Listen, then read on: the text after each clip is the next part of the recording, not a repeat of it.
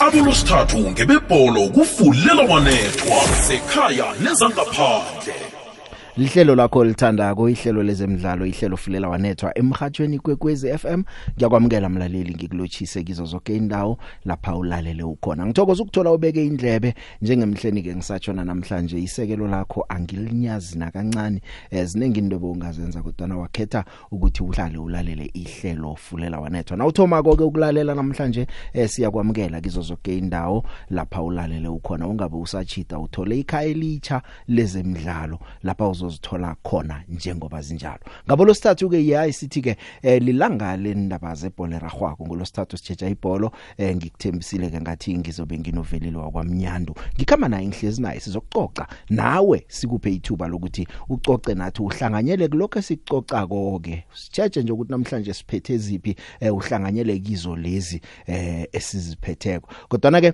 ngingakayi kuye ngingakayi kude asengijeje nje ukuthi kuyadlalwa ke imidlalo ye DStv Premiership sibonile ke Cape Town City ithola iphuzu lokthoma izolo nayidlala idraw neMaritzburg United. Zidlale ngokulingana ilize mahlangothi omabili. Cape Town City sahleze emsile napha ke ngephuzu elodwa eh, kanti ke iMaritzburg kuposition number 13 namhlanje hey kuyadlalwa.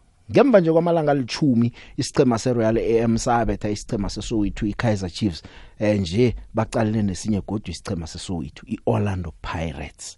Bayadlala ke badlala eMoses Mabhida eDurban badlala ngo half past 7 namhlanje. Zombili ingichemezi zilimele zizikhotha amanxeba eh iRoyal AM icede ukubetshwa Stellenbosch Orlando Pirates icede ukubetshwa iChipa ngempela veke eh manje ke ke baya em eMoses Mabhida nje abadlali eChatsworth laba ke beRoyal AM benzela ukuthi balijwayele itatawela ngoba imidlalo yabo yeCAF Confederations Cup yekhaya batsho bazoyidlalela lapho ke eh ukhumbule ukuthi ke bayokudlala nesicema seSwatini. Eh ya badlala lapha ke kuma preliminary rounds nesicema sembabani Highlanders. Umlenze wokthoma usekukhambeni nge9 zaka September manje ke sesebe ukupractice eMoses Mabhida Stadium. Basa lapha ke isicema seOrlando Pirates. Ngakulinhla inhlangothi ke Orlando Pirates eh solo isizini ithomile. Angazi ukuthi ungathini ngemphumela yabo ngoba badlala imidlalo emithathu bathoma kuhle eh bathumba babetha lapha ke isicema seSwallows ngo 1 not Orlando Pirates ke yakhamba yachinga lapha isicemeni seStellenbosch emidlalweni wesibili.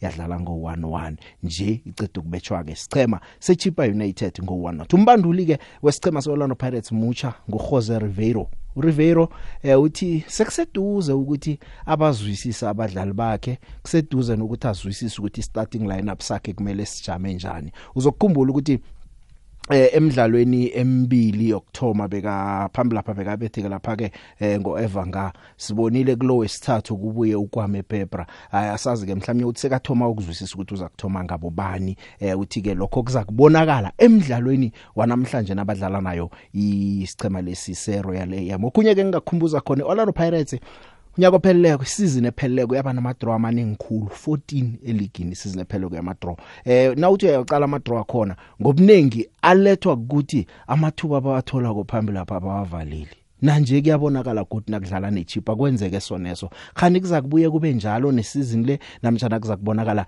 izinto ezihlukene kona. uRivero ke ubuzo umbuzo loyo ukuthi khani kuthi ukuthini lo khana abadlali ngokomkhumbulo kunento bagandelela kona eh basakhumbula ukuthi nesizini ephele kokwaba njalo mhlawumnye nari le season babhalile kwenza umsebenzi. Asazi. Abalandeli bona ke ukufikela nje emidlalweni yokthoma emithathu baya ngobunengi bayokusekela.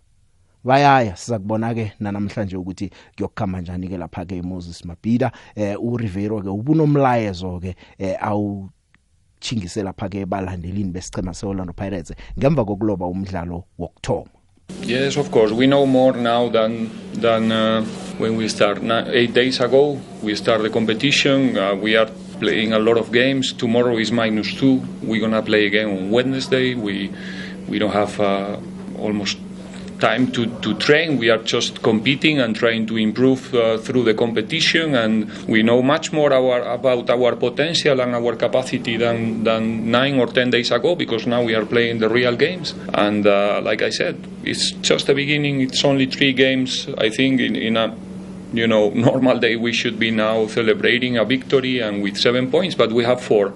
We have now one game in in Durban very soon, and we have to go there again with the, with a clear idea to, to, to dominate, to create, and hopefully to be a bit more accurate in, in the last third. And it's going to be enough to, to get the points. And it's that we, that's what we are all looking for: three points. So it's going to come. There's no problems about mentality. It's a new season. There's uh, new players, new coaching staff. Uh, new new perspective, new illusions. Nobody's speaking. Uh, the, last season was long time ago. Why we are talking about the last season? Is not playing the last season now. We are playing this season. We are playing uh, in a different way. Like you said, I did my research, and I can tell you that we are playing in a different way. I don't think that we can say that this is the same team you have seen the last season, right? So there's no there's not no problems in that sense, at least as as far as I know. And of course, it's not a problem for me because I, I was not here last season. So we are confident. Uh, we are doing a good job, and uh, you will see that very soon, especially when we play here at home we are going to be talking here about different different stories. It's, it's not my my uh, concern, you know, to to set the fans. They are they are smart to understand what what we did here today. In order to get a result, I, if I have to say something, just support the guys. Be comprehensive and support the guys. They need uh, also that they push us forward, that they support us in, in difficult moments like today. But it's only today. You know, we are. it's not a drama. We lose today, maybe today we can have uh, this phase like, you know, sad for uh, two, three hours, but tomorrow is a new day. We have to uh, push again, and I hope that they will help us in Durban as well, as they did it in, in Stellenbosch. It was amazing just three days ago. Uh, so I'm, I'm sure that they're going to still helping us because you can see that the guys are doing everything. They are putting all in in every single training, in every single game, and the results or better results will come. That's the only way that we can guarantee that the results will come. Continue. ya mbanduli wesicema seOrlando Pirates njengoba ngikutshela ke iyadlala ke Orlando Pirates namhlanje eh, ngo half past 7 idlala lapha ke nesicema sethwihli thwahla saka Mamkhize iRoyal AM Ngiyaraga nehlelo njengoba ngikuthembisile ukuthi nginaye uvelile wakwamnyandu. Sizokuditsha naye sikhulume nje ngento eziningi eziphathelene nebhola eragwako isikhulukhulu sitsheche lapha ke eh, iSuper Cup. Velile yeche ngiyakwamukela emhathweni kukwez FM Eh angibingelele Big Joe eh ngibingelele nakubalaleli bala ekhaya ekwekwezi. aha. Velile izinto ziningi eh isikhatha esibesincane nangikhamba nawe kodwa nangizabe ngiyachapha nangingakubuziko ngiyazi ukuthi ungena la nje ubuya esichemeni sekhaya isichema seTS Galaxy lapha bowukhuluma khona nabadlali ukhuluma khona nombanduli. Manje for the sake of umlaleli ngithi ngikubuze nje ukuthi uthole kunjani uthini umbanduli ngesizini etsha ngoba umbanduli lo isizini epheleleko wabonakala ukuthi imbandulo omuhle. Abantu abanelihlo bebakhona ukubona ukuthi kunento ayiphekako ezakuvuthwa. Nje kubonakala ngasuthi sebuyaphakulula ibhola edlalwa asicema sithi eSgalaxy ihle khulu. Nangendlela abahlikihla ngakhona uyabona ukuthi bazimisela ukuthi nonyaka nje indaba abo position 13 leya eh, bangakhe bangayithoma. Ngiyazi ukhulumile nabadlali abo Bennett Parker nani nani esengikufuna ukuthi ucoach uthini? Nomoya nje unjani nawubabona bazibandula abadlali? Um Big Joe, you know, um you could see me I'm, f- I'm full of smiles, um, a bit of excitement. Um, because I think that's the environment I'm coming from namhlanje. Mm. Uh, I've been there since half past nine, Big Joe. Hmm.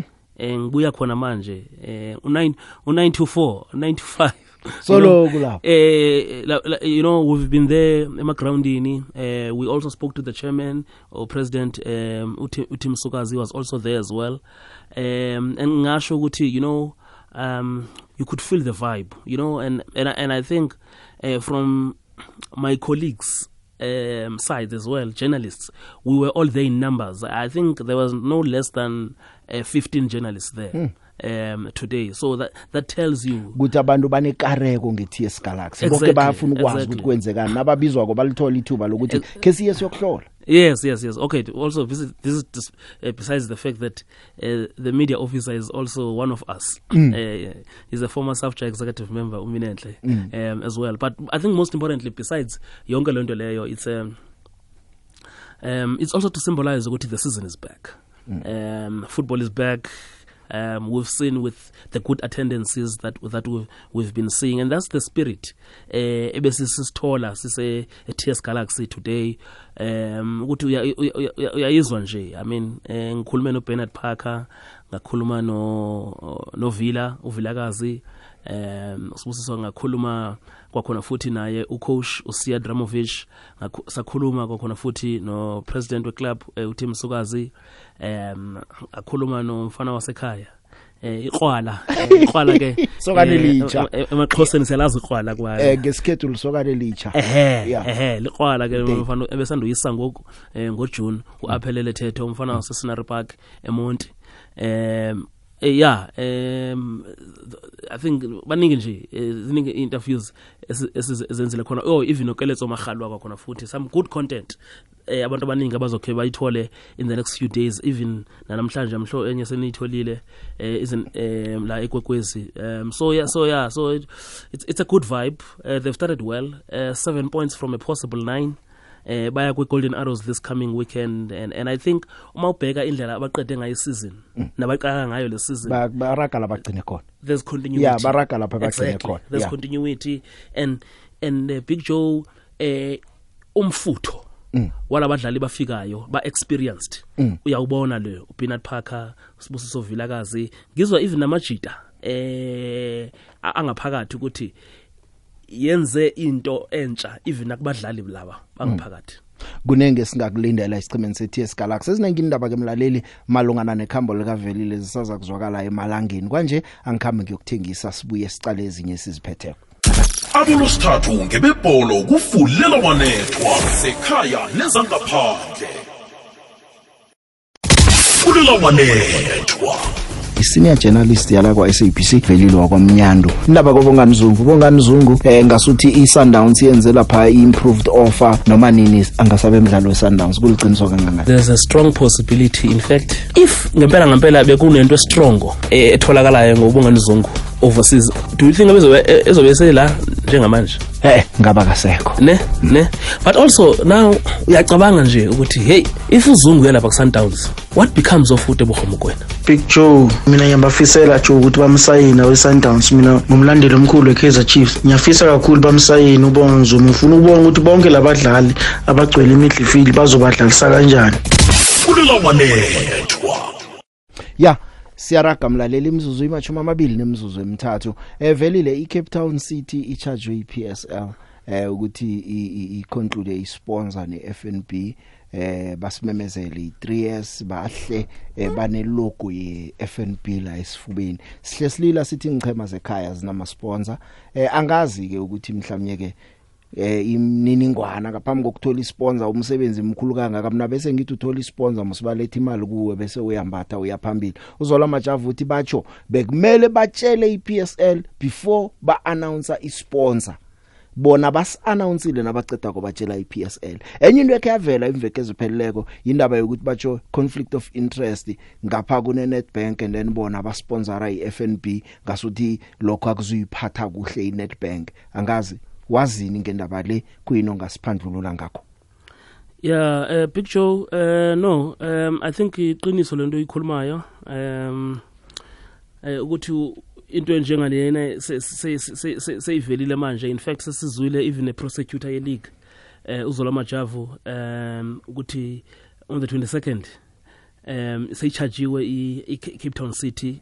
Um so kuzomela ke ukuthi ke eh, iz- iz- iz- izovela um lapho ke kwi eh, ku DC ye PSL um I'm, I'm just waiting to see ukuthi what is going to be the next step because I had heard ukuthi uh, i Cape Town City is looking for a situation ukuthi kuyiwe straight eh kuyi arbitration um as you know ukuthi ke um the CEO uh, of the league uh, can write to um SAFA. Uh, because i arbitrator appointwa iSAFA um ukuthi okay instead of because remember um if you go to the DC and then th that DC sits and then there's ungaphila ungenzani you can still appeal and Yeah. then when you appeal so the DC sits at, at, the PSL then is i appeal ihlale safa. Yabona and then if you're not happy with the appeal uh, outcome then you go Yeah. to arbitration. na iya straight ku So- arbitration so yes yes yes. iceda msini Yes. into engifuna ukuyizwisisa ukuthi ngok- ngokuzwisisa kwakho vele ba- ba- ba- ba- bamlando kangako ukuthi bangabe babizwe laba be Cape Town City. Bawuphulile umthetho ngokumemezela isponsor. Look um the compliance manual uh, isho ukuthi um i, i club um must first uh, consult with the league. Uh, in terms of uh, i- approval um for a kit that is go- they are going to use that season you know? And, and and and that kit also even in terms of kuzobhalwani kuzobe even a sponsorship. And and also even indaba indaba sponsor there is uh, some uh, something eshoyo kwakhona futhi ukuthi ke um even nakwe sponsorship um especially sponsor ngathi ke mhlambe the- could be in conflict with one of the sponsors the league you know? Um so what we had heard ukuthi um i Cape Town City um is had submitted uh, that. They said they had submitted uh, this to the PSL um that is before they played. Um but bayebodlala kuthiwa iPSL ayikabaphenduli. Beyithumele yona isibawo iPSL yaso lingaphenduli badlala ngaso kunjalo. Exactly exactly. Okay. so um which i think that that is where manje ke inkinga zoba khona. Uh, but i think the question will be if kuthiwa ipsl um was sent uh, the issue of a request or whatever about the new sponsorship why would there be this delay? Mm, mm. you know? Mm, Uh, ex- exactly exactly. And it's a pity that the psl has also not clarified on this issue if there was really a delay. Mm. You understand? Because now we're only getting one side Mm. because also the other side you don't get. Bathulile bePSL you, you understand? But i think this um legal process um it, it, it's, it's, it's a process ke manje yokuthi to settle all of this. Kuzokuvela zonke indaba eziphathelene nayo yes and, and, and i think i should remind abaphulaphula ukuthi um abalaleli base- basekhaya ukuthi eh phambilini eh besikhe sakhona isituation ye-sport pesa. Yeah? Ye, ye, Cape Town Cape Town City, City nakhona. ne-PSL and the processes that were followed ku-sports pesa eh ne-lokuzana ne ne-PSL are similar kule. Mm. yabona eh, because um kuthiwa i sponsorship se-FNB si in conflict. Ne-sponsor se-PSL ekuyi-Nedbank. But there are some serious questions. Uh, uzule la uh, senza istory the other day no Skhweli Gumede, Gumede, yeah. a top marketer who's been around in the game. A former footballer by the way wamazulu. Uh, 1992 Coca-Cola Cup winner. Um and also Squilly I think he did also the, the deal ye Nike ne Kaizer Chiefs mm. yenza ku Squilly you know? So he's been that long um, So- in, in the business. ukutshela nje umlaleli utheni usigwili ngayo indaba le so usigwili eh uzukhumbula ukuthi waye waye he was also involved kule kule deal that failed eh ye, ye Telkom Telkom ne ne Swallows, yeah. yes. So ngokwakhe usigwili uthi legally if this mm, uh, situation goes out legally uh, EPSL stands as uh, a chance of losing this case. Um and and and ukuluza kwayo it would open the doors now. For amanye ama team For amanye ama-team. sponsors For amanye ama-sponsors, ebe yes. kungukuthi mhlawumnye bewangabhalelwa kungena. Exactly exactly. Because uyakhumbula ukuthi um even for i-cape town city ukuthi igqokele la jezi manje lino-fnb um kuye kwaba kwi-cont interdict and i even know other people who were assisting in getting that court interdict, mm. you know um just few hours before the game. Ukuthi bangadlali ngalo exactly. In fact ukuthi no ukuthi libe khona. So ulibona nje manje lisekhona. It's because- City yes because umthetho uthe alihl- alihlali. Alidlali but Yeah. obviously that was not on merits. That was uh, i think on on agency matters yeah. Ngikuzwile velile. Akhe sicale ngomvulo eh, ngomhla ka22 kuAugust ngo half past eh, 6 iyangena indaba le eh, siza kubona. Nangabe mhlawumnye ayi straight ku arbitration nangabe ya straight ku arbitration nakhona eh, sizakwazisa mlaleli ukuthi seyichinga lapho. Kodwa nje ngendlela izinto zijame ngakhona nje uzola majavu uthi ngomvulo ngomhla ka22 yabafuna ngo half past 6 kanika isibo bodwa eh, neswalos nayo ke ngolosine lo ngo half past 4 iswalos iyangena ke nayo eh, ema officeini yokugweba umlando. Batsho bariyadisa ukuthoma komdlalo wabo ne Cape Town City ngomhla ka9 kuAugust lapha eDobsonville. Umdlalo abawuthumbako eh, ngo 3-2 eh batsho ke okunya bakwenzako i team sheet yabo batsho bayichugulula bangakazisi isicema seCape Town City. Lokuza ngemva kokuthi eh ku original team sheet yokthoma uNicholas Lukubeni bekakhona ku starting lineup kodwa nase kudlalwa bekungukwanda mngonyama othomileko esikhundleni sakalukhubeni manje batsho ke babizelwa ukuthi eh bazogwetjwa ke ngalokho. Zindaba ze DC lezo ngiyakhamba ngiya enhlokweni zendaba. Nangibuyako eh singena endabeni ye Super League eh indaba yimali engangemali. Phila njengomuntu osemkhanyweni ngombana mkhanyo oletha ukuphila. Abolosithathu ngebebholo kufulela wanethwa sekhaya nezangaphandle. Big Joe Abuzol abuzola majavu bahlezi kamnandi lapha ku PSL bahlezi kuma comfort zone. Angekhe bachajela iCape Town City ukuthi iveze isponsor before batshela bona. Yiko abantu bathengisa amaklapa bathi ngoba banamponzara nje ungasikunini zabe imlando iminengi ku PSL bangazi ukuthi kumele benzeni. Nje sebachajela iCape Town City ukuthi iunveil ilo isponsor before bona. Akusanamsebenzi abangawenza iPSL iserkis ngiyathokoza Big Joe. Ngutlasi bushomani eDwefontein C. Eh makwande Big Joe. Eh nabalaleli be- bekwekwezi lapho Big Joe. Hey lapho ukhuluma nengwenya lapho kuvelile emyandu umtshela achubeke Big Joe velile emnyanda enza umsebenzi omuhle wenzawo is one of the journalist le neutral ngiyamlandela ku Twitter everywhere. Uthola nje ireport lemnandi le neutral lengakhombisi ukuthi umuntu ufavor i-team lethile uba neutral nje and asilethele indaba ezinjalo akakhulumi namanga ukhuluma into ekhona into yakhulunywa ngivelile. Iyiyo uchubeke njalo mnyandu eh, nokusilethela ezemidlalo i-information yonke siyithola kuwe. Mina ku-twitter nje ngilandela wena ngezwa ukuthi into i- ikhulunywa nguwe. Ngiyayazi ukuthi iqiniso. Siyabonga kakhulu big joe. A- a- achubeke njalo nomsebenzi omuhle. Ya umnyandu uthola ivote of confidence. La siyathokoza eh mnyandu eh umlaleli utsho njalo. Kunomlaleli kawulilako thapho zola majavu sebayazenzela lapha. Angazi ukuthi i compliance manual mnyandu khani ungakhona ungasike nje uyi- uyitsupule khona neje ukubona ukuthi mhlawumnye ithini. Vele i Cape Town City inomlando namtjana ayinawo na? Yeah i think there's this part and uh, and ngizoyifunda njengibinjalo big joe. Um um on on the complex ethi member clubs must apply to the league for prior written approval at least 14 days prior to concluding. To concluding. Yeah. Not when it's concluded. Yeah. Uh, any new or making changes to existing arrangements contemplated uh, uh, below. That is, application for any new sponsor, uh, which should be accompanied by particulars of the new sponsor, including the sponsorship agreement, and and also the full particulars of. Um, that sponsor and also ukuthi sizohlala kuphi. Kuphi you know uh, ejazini and also the perimeter sleeve sponsor exactly. kunama- yeah. The perimeter boards and and, and, and, and and all those things.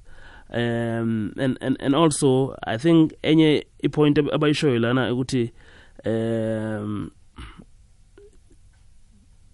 okay besides the, the, the logos but also uh, on the basic principle ithi member clubs will also be entitled to appoint their uh, own sponsors or suppliers only if the prior consent of the league has been obtained yeah asibambe khonapho Yeah. sesiza kuzwa khona ukuthi eh abo 14 days abo iCape Town City kuthumele The konke procedure, lokho yeah. iprocedure ilandele conflict ukuthi yathi isukaphi. ibona ukuthi PSL ayiphenduli yathi siyaraga ke ngoba napha bathulile nasindaba enye enkulu ke velile indaba ye, ye Super League eh iPSL iyokudlala indima enkulu ekufonyweni kwayo iAfrican Super League kodwa na engikuzwisisako ukuthi iPSL kumele ithome iendorse ngoba ngeyekhefu and then ikhefu ikhuluma neSAFA nayifika eSouth Africa and iSAFA yona ke ibafana ba i- ibafana bafana nengichema zenaga iziphethe kodwa na ingchema zekhaya iPSL ngiyo ephethe ingchema ku Super League neMamelodi Sundowns neOrlando Pirates neKaizer Chiefs engichemeni eziyi24 ekumele zidlale ku Super League. uDen Jordan? Eh, uyaveza ukuthi batsho usazokuhlangana eh, no sihlalo wePSL uDr Ivan Khoza bakhulume indaba le. iPSL yona ke yathi nayithoma ke indaba zabo Super League azazi azange nje outright comment icho litho ngayo. Mhlawumnye nawo basalinde uDenny Jordan ukuthi azobandlalela yona abatshele ukuthi iSuper League le ikhama kanjani akhe so uDenny Jordan lo ngaphambi kokuthi ngizwe eh, ukuthi wena ke yini okwazi ko ngeSuper League nePSL nokuya phambili? You know, it's a league of 24 teams. You know that uh, the there are zones on the African continent, and two of the zones in West Africa, there's WAFO A and WAFO B, and what is called Central. That's the area around uh, Congo DR and so on, and then East Africa and Southern Africa is combined. Uh, then you have the north. Um, and each one of these will be allocated teams. Uh, the league is envisaged to have 24 teams. South Africa is allocated three teams, uh, and those teams are there Mamelodi Sundowns, Pirates, and Chief. Uh, but that is why the discussion with the PSL is so important before we can give feedback. Uh, and as I said, we do have time. The prize money for winning the Super League has been announced. It's $11.5 million. In your South African rands, you must multiply it by 16. Uh, how much is that? A lot of money.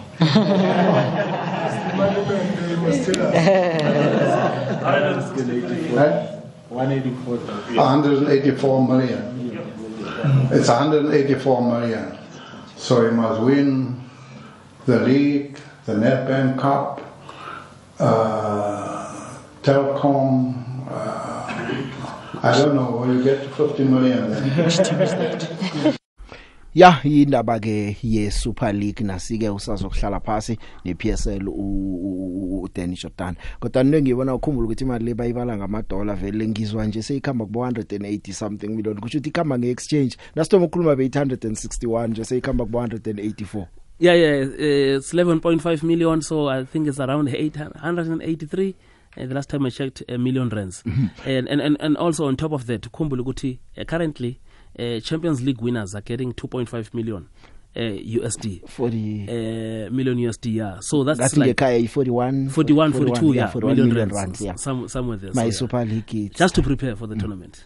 bayithola nje ukuthi bakwazi ukuthenga eh abadlali ba traveling njalo njalo nje baqinise ingcheme And Big Joe, um, the the issue here is that uh, I know that uh, umngani wami uPhumuzo uh, he he made some point earlier this week, you know, uh, about the return of um, Ubongani Zungu, you know, and and and I, and I felt Yeah. that was a very good point uh, that Phumuzo was raising because Ubongani Zungu when he left, uh, even Okik and Toli when they left, they said they want to stop this thing of South African footballers coming back. They want to fight there and play with the best. kodwa ne Super League kubonakala ngathi yokwenza ukuthi abadlali bathi siyahlala la ekhaya Yes. and nawuqalako usukhuluma ngobongani zonke iSundowns ngendlela isayina ngakhona nje ukhona ukubona ukuthi ayisayinele ukucompete nengichema zekhaya iSundowns seyiqale phambili Look, Sundowns, uh, Kaiser Chiefs uh, were the two teams from the PSL.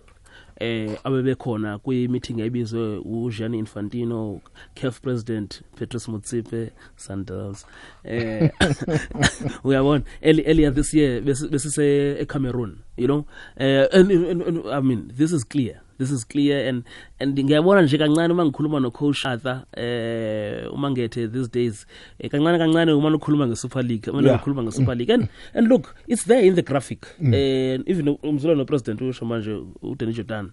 Um all those teams Orlando Pirates Sundowns Kaizer Chiefs they are there in that graphic. Okunye kumele sikuhlalisele umlaleli vele ukuthi akuyokuhlala kudlala lamateam amathathu. Every year every season kuyokuqala iperformance ye team emaphaliswaneni weCAF nani nani. Kusho ukuthi ezikhona nje kungenzeka unyako zakho kungasaba ngesinye sekungena esinye njalo njalo. Yes uh, because what is important uh, in this context is also ukuthi there's a top top 24 clubs. And inqhema lezo fanele zibe khona kule top 24 top 24 kusho ukuthi esizokuphuma ngaphakathi kwe top 24 Yes. isizini elandela kwasikho ku Yes, Cup. And, and and as things stand, I, I think Chiefs might make the 20, top twenty-four. They might not make it. But having said that, having said that, uh, there's also a wild card entry. Uh, wild card entry it means that i-caf can decide ukuthi ngiyayithatha i-team um um ka-big joe. Ne? Even though i-team ka-big joe Ingekho ku- ku-top 24 Yeah. but if i-team ka-big joe meets the requirements of a Licensing. huge support base Okay. uh, commercially viable and strong uh, also tv um, in terms of the, the eyeballs they are also strong in that space. So uyabona ukuthi lento yakhelwe bani? Yakhelwe inqhema ezofika laphana ezinkulu ezofika zi- zi- zibe attractive. ukuthi ibukeleke. 100% so even if th- le nqhema lezo they fall outside the top 24 ngikuzwa kuhle. Ngiyokutshengisa velile. Ngisahlezi nawe siyabuya. Zibuthelelwe zonke ehlelweni lezemidlalo ifu lelawanethwa nobi Come again. namhlanje umlindo love uza aditshe nomrhali wokuthoma ongumma emrhatshweni wesindebele. Ungambiza uthi ngufanfan usesifana. Ungathi queen of country music.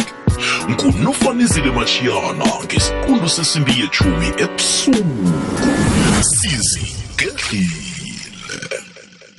abolosithathu ngebebholo kufulela wanethwa sekhaya nezangaphandle.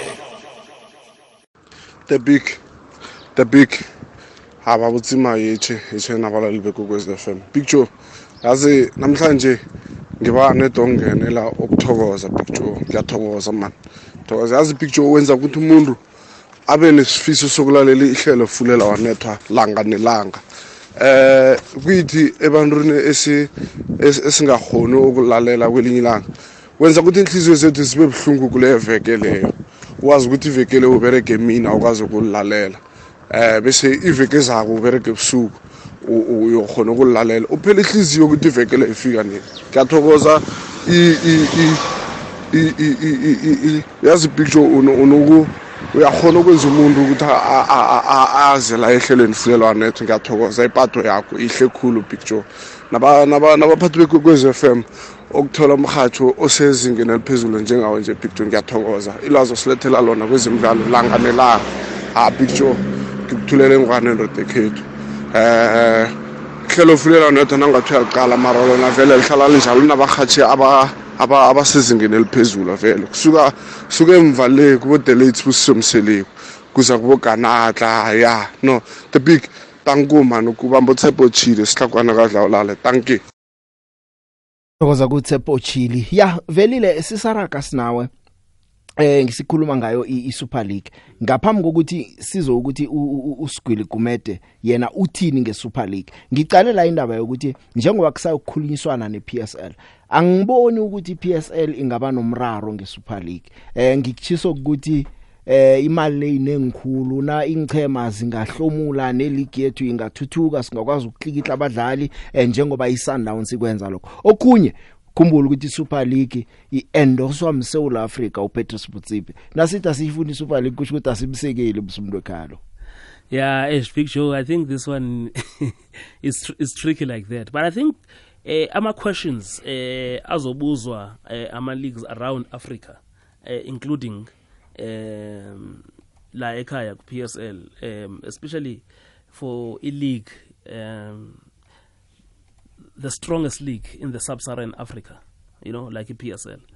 Um, ukuthi is Super League le how disruptive is it going to be ku program yabo you know uh, when you count that um, already we have uh, tournaments like um, Confederations Cup, Confederations Cup, uh, CAF Champions, Champions League. League. even though i CAF Champions League ingathi in its current format bayayishintsha picture. Mm. uh, and it's going back to what it was in 1995 when Pirates won it. Mm. uh, ingena group stages.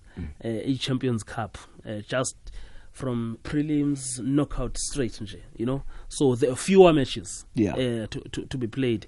But also even in terms of strong obayo ayifani in fact judging from what I've heard and I've seen uh, ICAF Confed could end up even being stronger.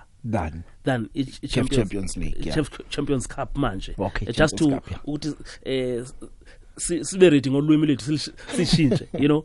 But um i think i think that uh, once all these concerns uh, ama leagues uh, are clear about them because also uh, Big Joe uma uthatha Orlando Pirates uthatha Kaizer Chiefs uthatha Sundowns uh, ama eyeballs you know uh, and commercial eh ukuthi u- ubu strong we league commercially bulapha Mm. you know? So i-interest yehla kancane.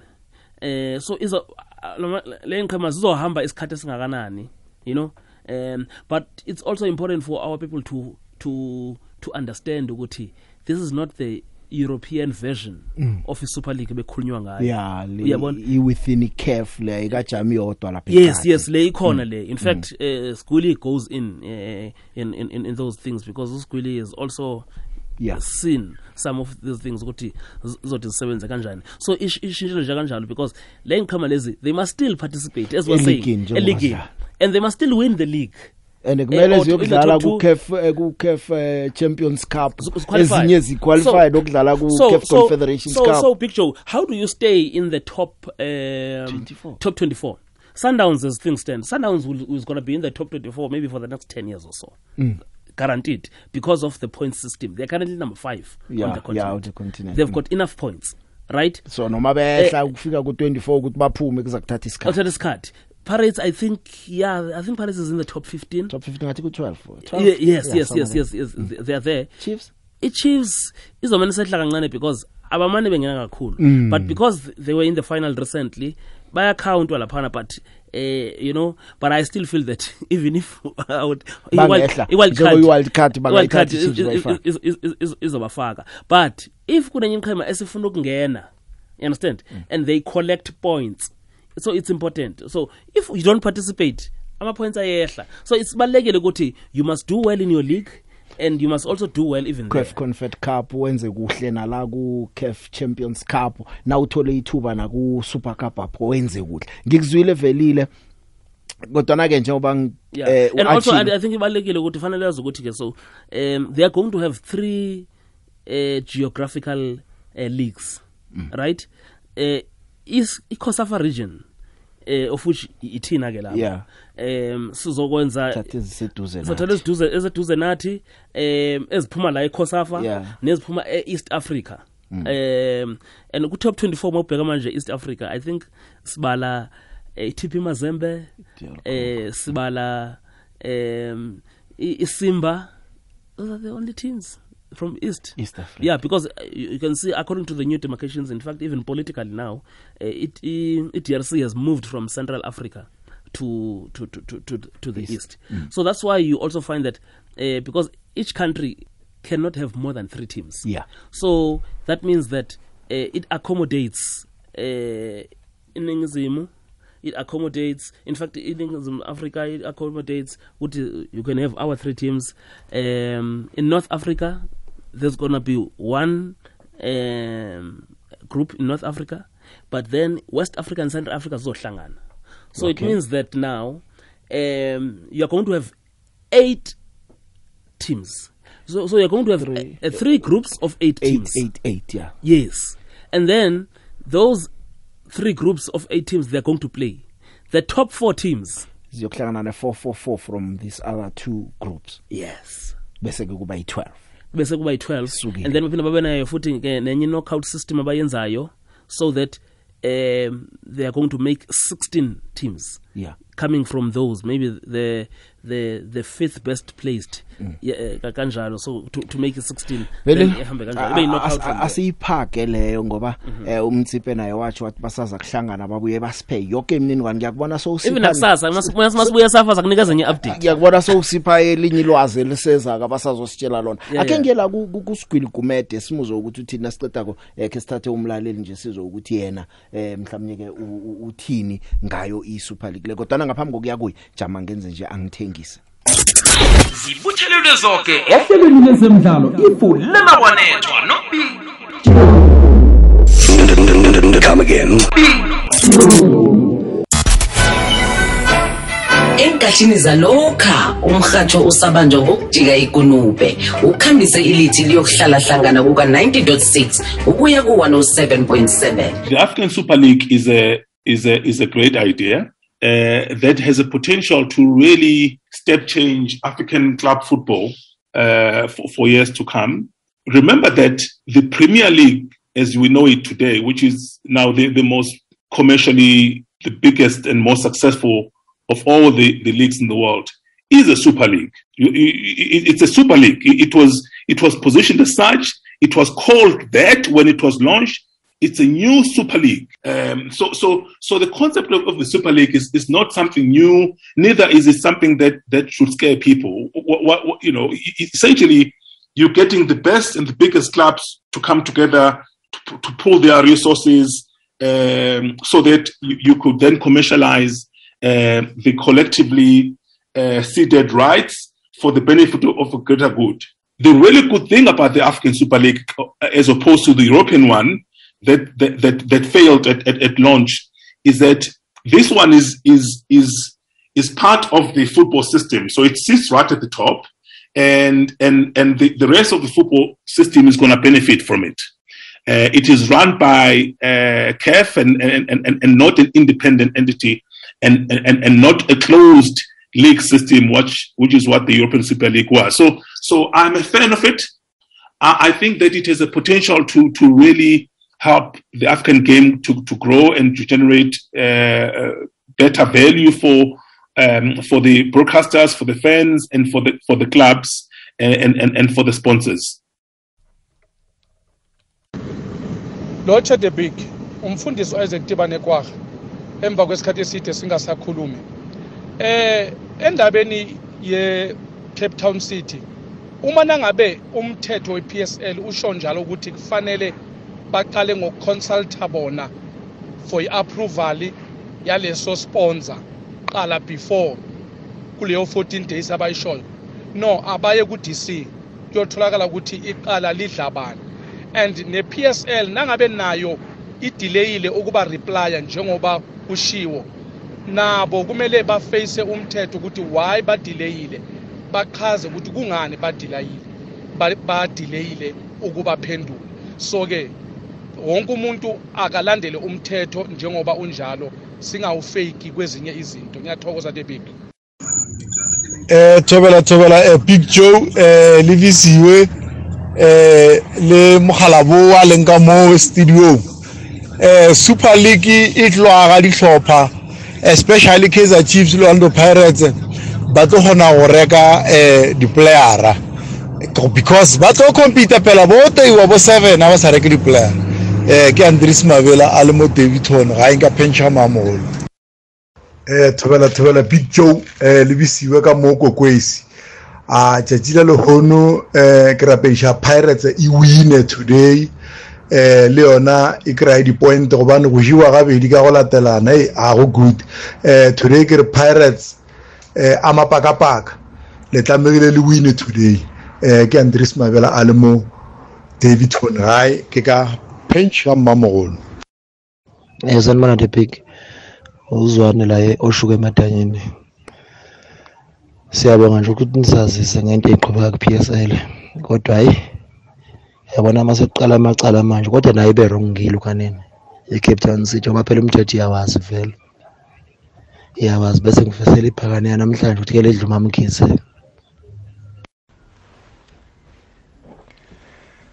lotshani lotshani lotshani bujo nuvelile mbuli niyambingelela mina nujoseph amathebula nihlala elangaville extension 7 eh bujo niyajabula kakhulu uma usilethela uvelile mbuli ngoba uvelile mbuli ningasho nokuthi ubhuti wakho nobabili nisebenza into ifanayo yona uvelile mbuli ngandlela imazi ngayo vela uma khuluma into isuka ivamisa kuyenze kuyenzeka. Nawe uma ukhuluma into ivamisa kuyenzeka. And akukho la uke wakhuluma amanga sithola ukuthi hawu ubhujo wakhuluma amanga ngoba kufana izemidlalo zonke. Uma unganganikezwa ukuthi uzikhuluma awuzikhulumi.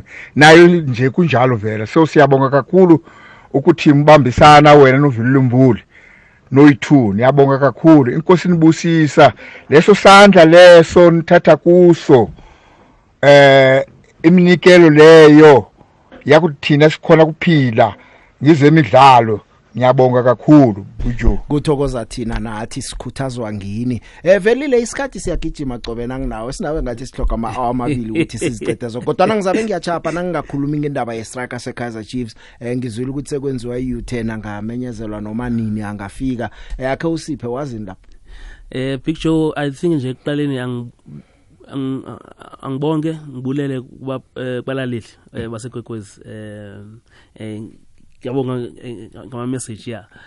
Um and and futhi you know that's why mina Joe you know I don't like talking about transfers Mm. uh, because man am- amanga maningi ama transfers ngihlale ngibatshela abalali ngithi yazini angizokuhle ngikhuluma yonke into engiyibonako Yes. ikhulunywa le strategi yes yes Mm. because also hey sometimes kunama agent lawo anamanga Eh You know? bavele basukela iklapa bathi ifuna ubani bani nethi ngoba bafuna ukumthengisa Bafuna ukumthengisa. sasa then wena na uhlezi la umlalela athi ngibone lapho kunye bathi lo uya ku Chiefs kwenzeka exactly exactly exactly but ke i can tell you uh, i think the last time on the sabc sport website um, I, i wrote the story earlier this week ukuthi ubonfields caleb Be- bimenyimana uh, wase burundi um, he's coming back to conclude the deal with kaizer chiefs. Eh, ngicabanga ukuthi this week ayizophela nje engafikanga. Angakabenyezela yeah. Velile mani isizini ithomile eh umzuzu sele komunye. After these three games ukathini nje? Yazi bengisaqale i midfield ye Sundowns midfielders kuphela ngasuthi bayi 10 yeah big joe st- but stockpiling. Stockpiling. Yeah in fact nje eh, you know um u Safa president uDennis Jordan bek- bekhe wakhala ngale ndaba ye Sundowns and um, and washo ukuthi eh, yakhumbula recently bekhuluma after yesandu electwa ukuthi bafuna uaddressa and and he's been talking to this even to the PSL indaba ye squad size. Mm. because u umbanduli webafana Bafana uHugo Bruce. Ukhale kakhulu. In the last camp umla bengenayo uTebogo Mokoena. Mm. because Tebogo Mokoena had not been playing at, at Sundowns and he wants to form Bafana Bafana Around. around ama players afana uTebogo Mokoena. So be- be- bekhala kakhulu but ke let's see. Let's see. Velile isikhathi sikhambile ngithokozile ukuba nawe la. Eh ngelinye ilanga godu siza kubuya sikhulume ngithokoze kakhulu ukuba nawe. Anytime picture. Akake mlaleli ngithokozile nami indle bakho lihlelo fulela wanetho umhajo ikukwez FM ngakhe ungachita na uzufuna zinjalo indaba uhlale kilo lelihlelo ungaya ndawo. Nosibusiso ulalela thina sibu? Uqinisile jo ulalela thina nawe ne? Awu nangingalaleli nayo ngiyokulalela ubani? Ngithokoza lokho sibu. Eh uhache kamnandi ngithokozile. Nikhambe kuhle sithokoza kakhulu kwamambala.